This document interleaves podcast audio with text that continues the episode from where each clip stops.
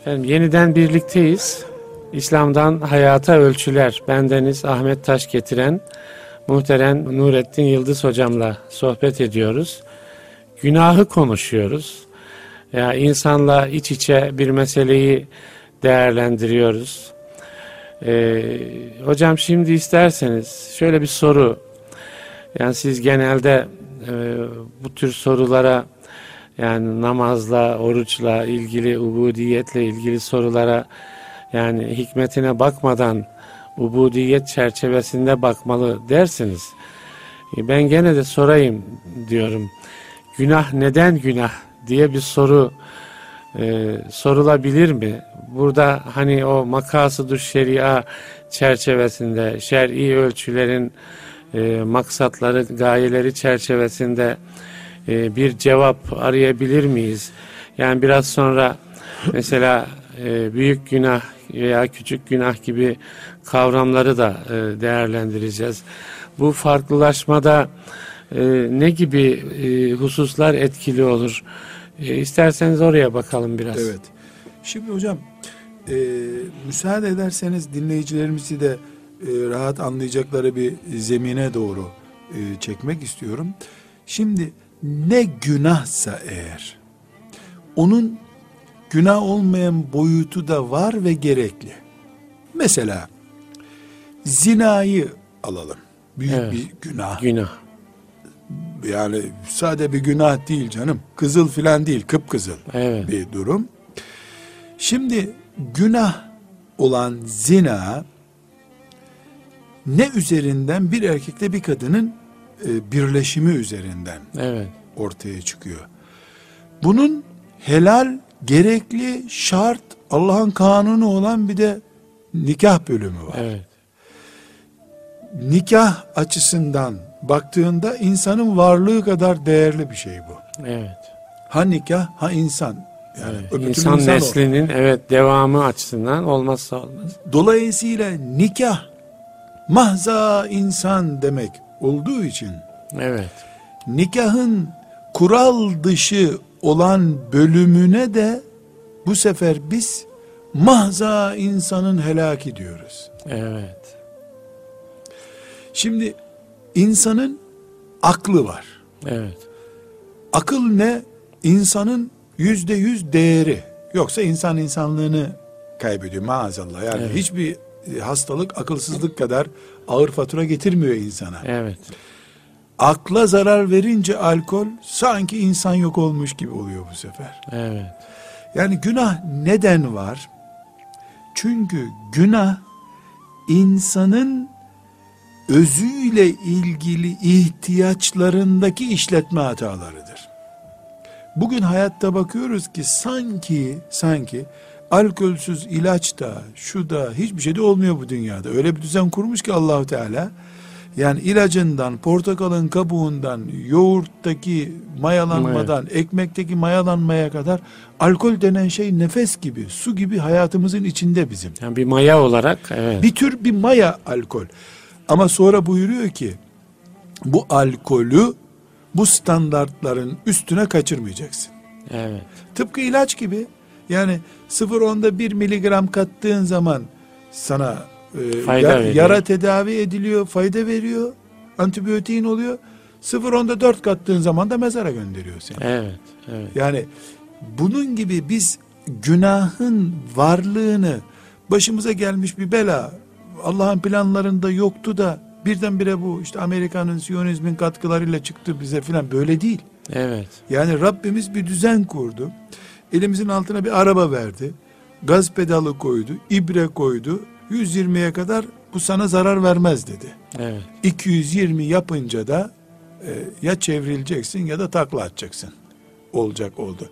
Yani günah e, bizim birdenbire karşımıza çıkmış bir dağ değildir. Evet. Günah bizimle beraber büyüyor veya bizimle beraber küçülüyor. Çünkü nasıl yoğurdun mayalanması için bir gün gerekiyor, ikinci günde ekşime oluyor bu sefer. Evet. Yani çok mayalıyım desen yoğurdu yiyemiyorsun. Evet. Ama bir gün ılıman bir yerde tutunca mis gibi bir yoğurt, Yoğurt oluyor. oluyor. Günahların her biri de böyle zinasından, alkolünden vesairesine kadar.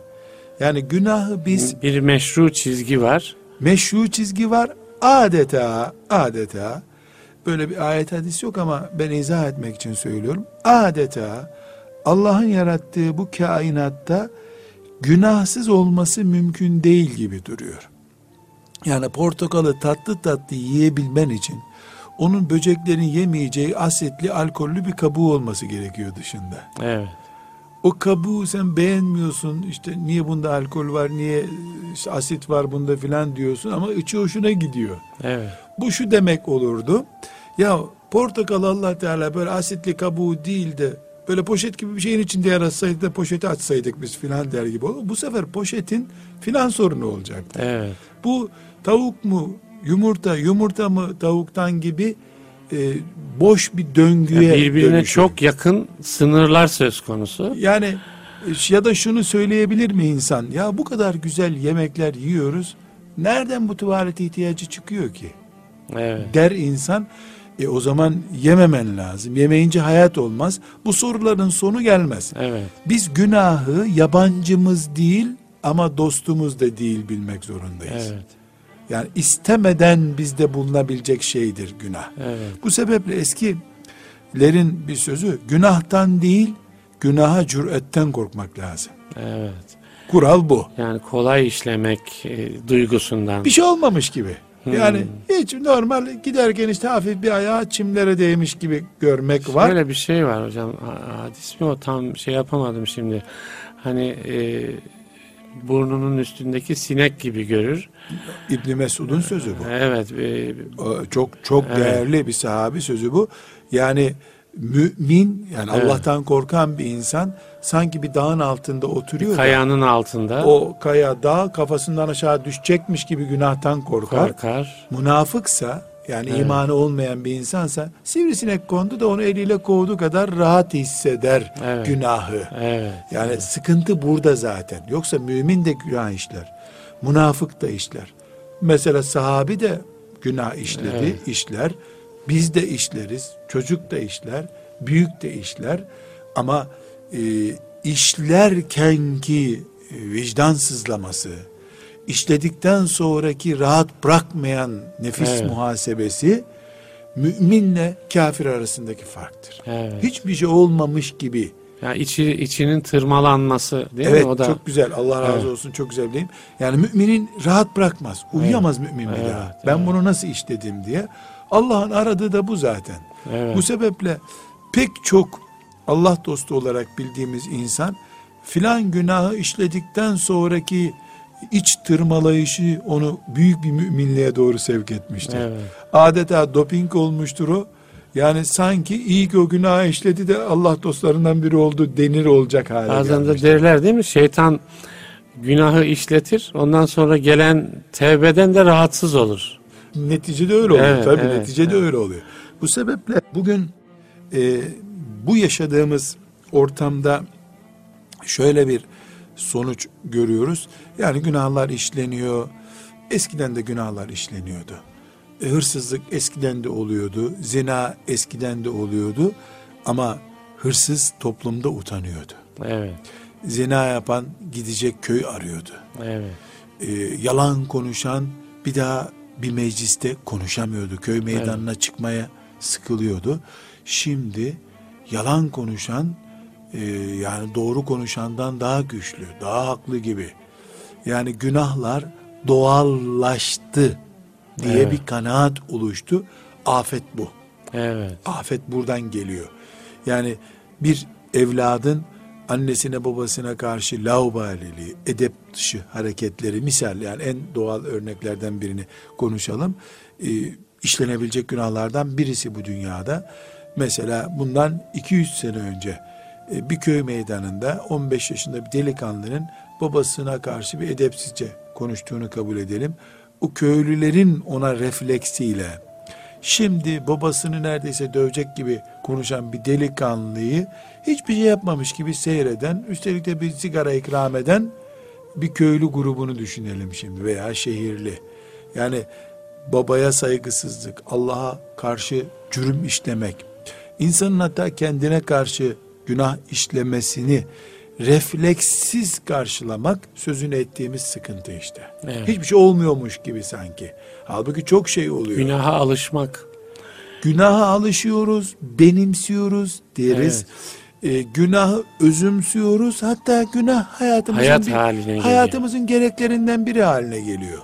Gibi oluyorsa burada çok büyük bir sıkıntı. Tamam hocam aslında şey sormak istiyordum ama bu işte büyük günah, günah kebair denen yani günahların sınıflandırılması ama bu söylediğiniz konuyu biraz daha belki niye toplum e, böyle bir günahla iç içeliğe e, alışkın, yatkın, ünsiyet kesbeder Evet. hale çok geliyor. önemli. Evet. Şimdi hocam e, ben seneler önce yani tabii örnek kendim olurum herhalde.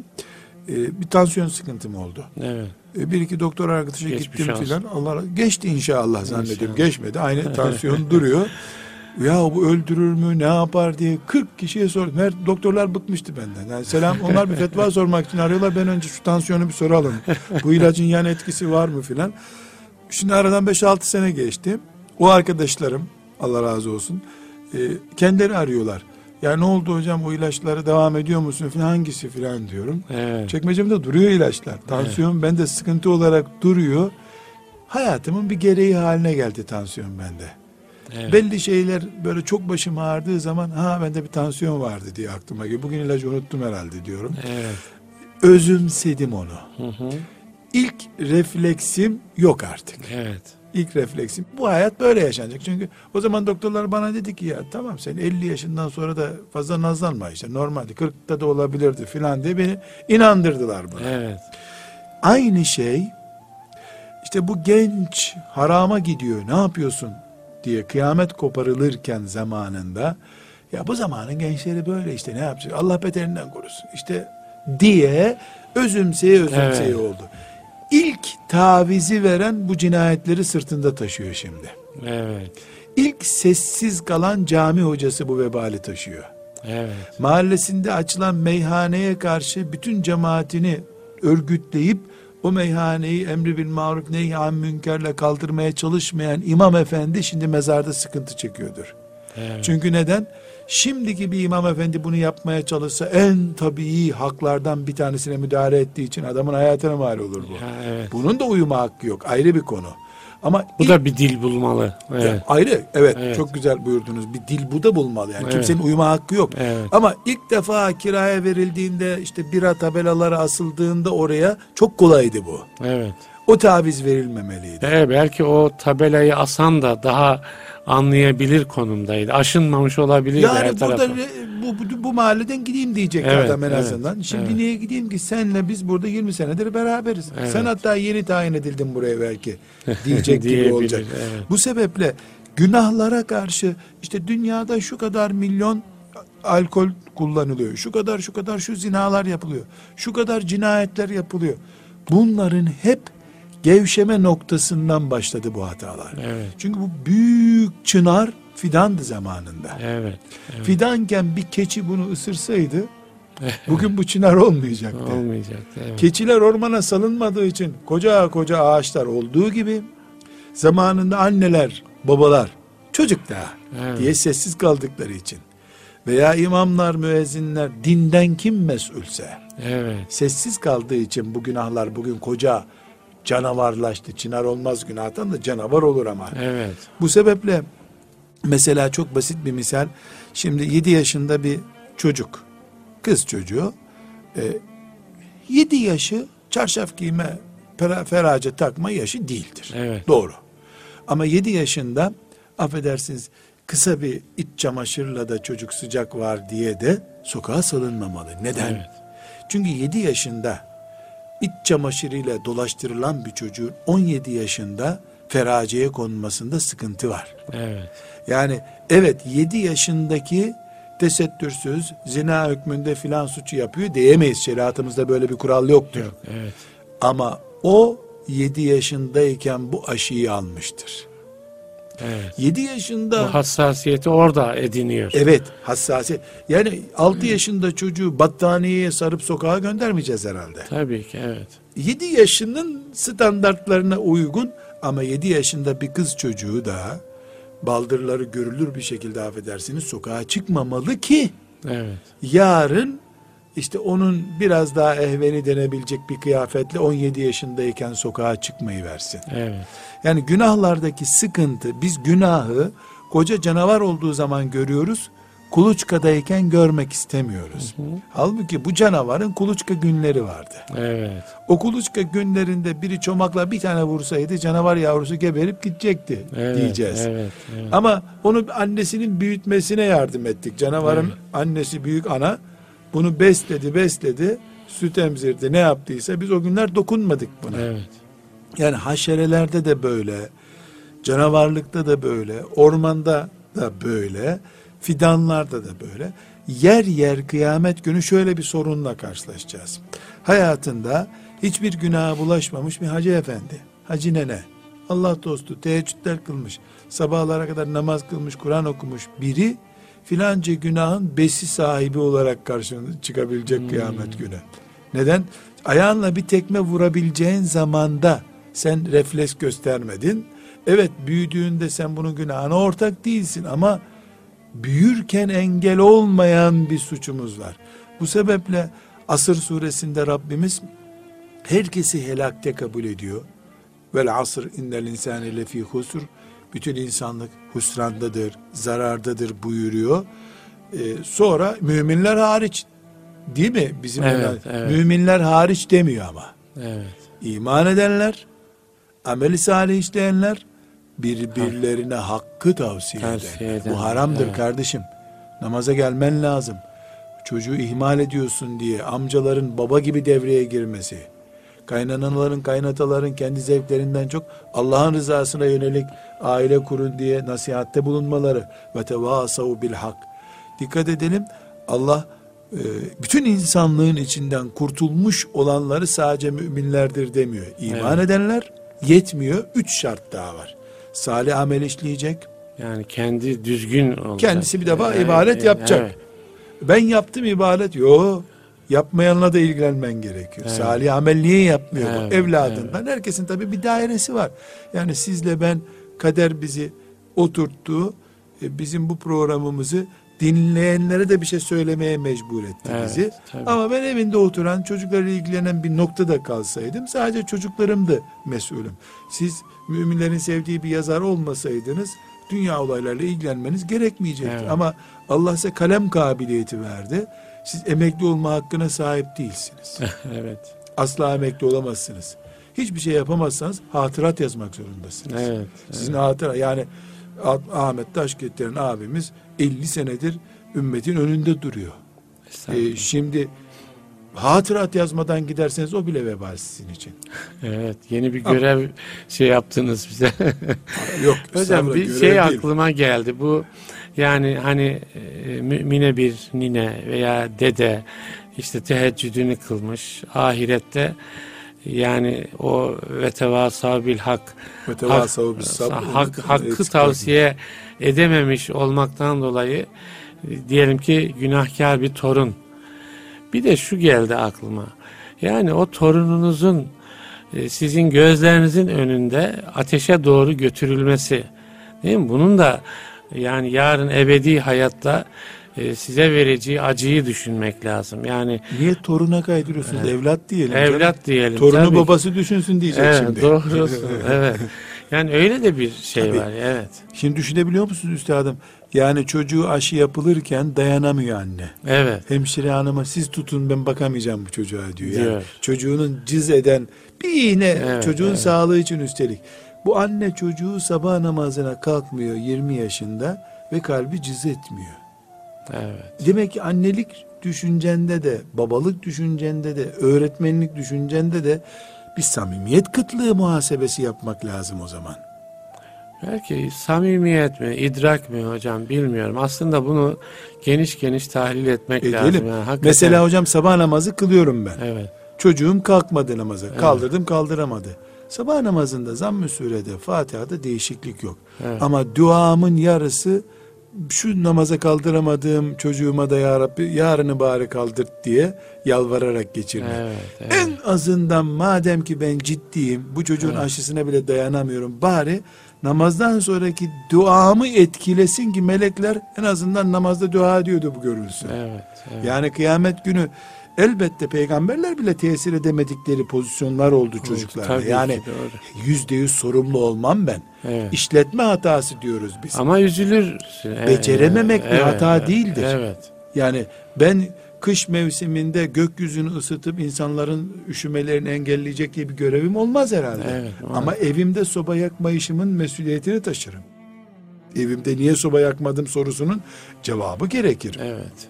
Bu sebeple biz yani işletme hatasına günah diyoruz ama kastımız olmadığı ve yapabileceğimizi yaptığımız halde ortaya çıkandan zaten mesul değiliz. Onu Evet. Rabbimiz mağfiret buyuruyor bize. Bizim sıkıntımız çocuğu sabah namazına kaldıramadım. Evet. Kendim bari onunla uğraşırken ben de namazı kaçırmayayım dedim namaza geçtim. Evet. Çok güzel. Namaza geçtim ama o esnada namaz kılıyorum. Fakat e, namazdan sonra dua ederken sağlık ver ya Rabbi, sıhhat ver ya Rabbi, çoluk çocuğumuzun ömrüne bereket ver ya Rabbi, iyi bir düğün yapmayı nasip et ya Rabbi, iyi bir gelin nasip et, damadımız iyi olsun. Sabah namazına kalkmayan çocuğa bir dua yok hala. Evet. Hala ben iyi bir gelin arıyorum. İyi bir damat arıyorum. Çocuğum kimsenin kızının kocası olamayacak kadar büyük bir suçla uyuyor biraz önce.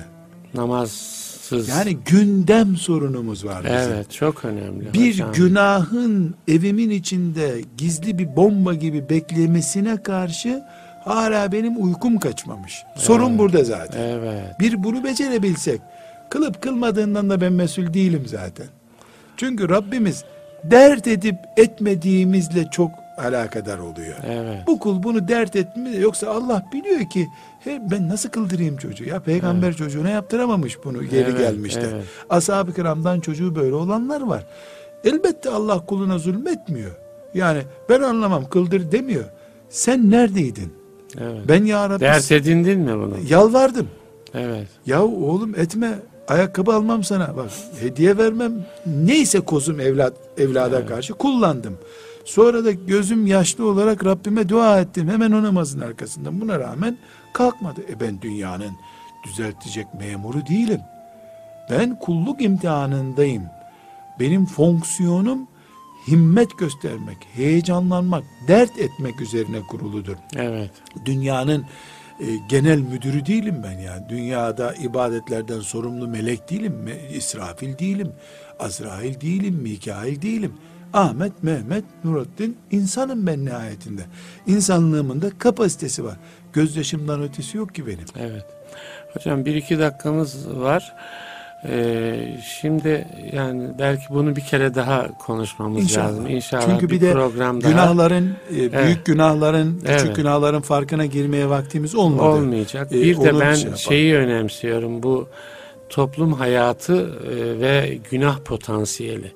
Yani onun için toplumun değişmesi görevi bir e, Müslümanın. Bunlar üzerinde de Toplumun değişmesi belki büyük hedef ama müminin en azından mahalle seçmesi, mahalle değiştirmesi gibi yani değil. bunları Hicret ayrıca mesela. konuşalım konuşalım. diye düşünüyorum. Hicreti bu mantıkla ele alalım Evet. mesela.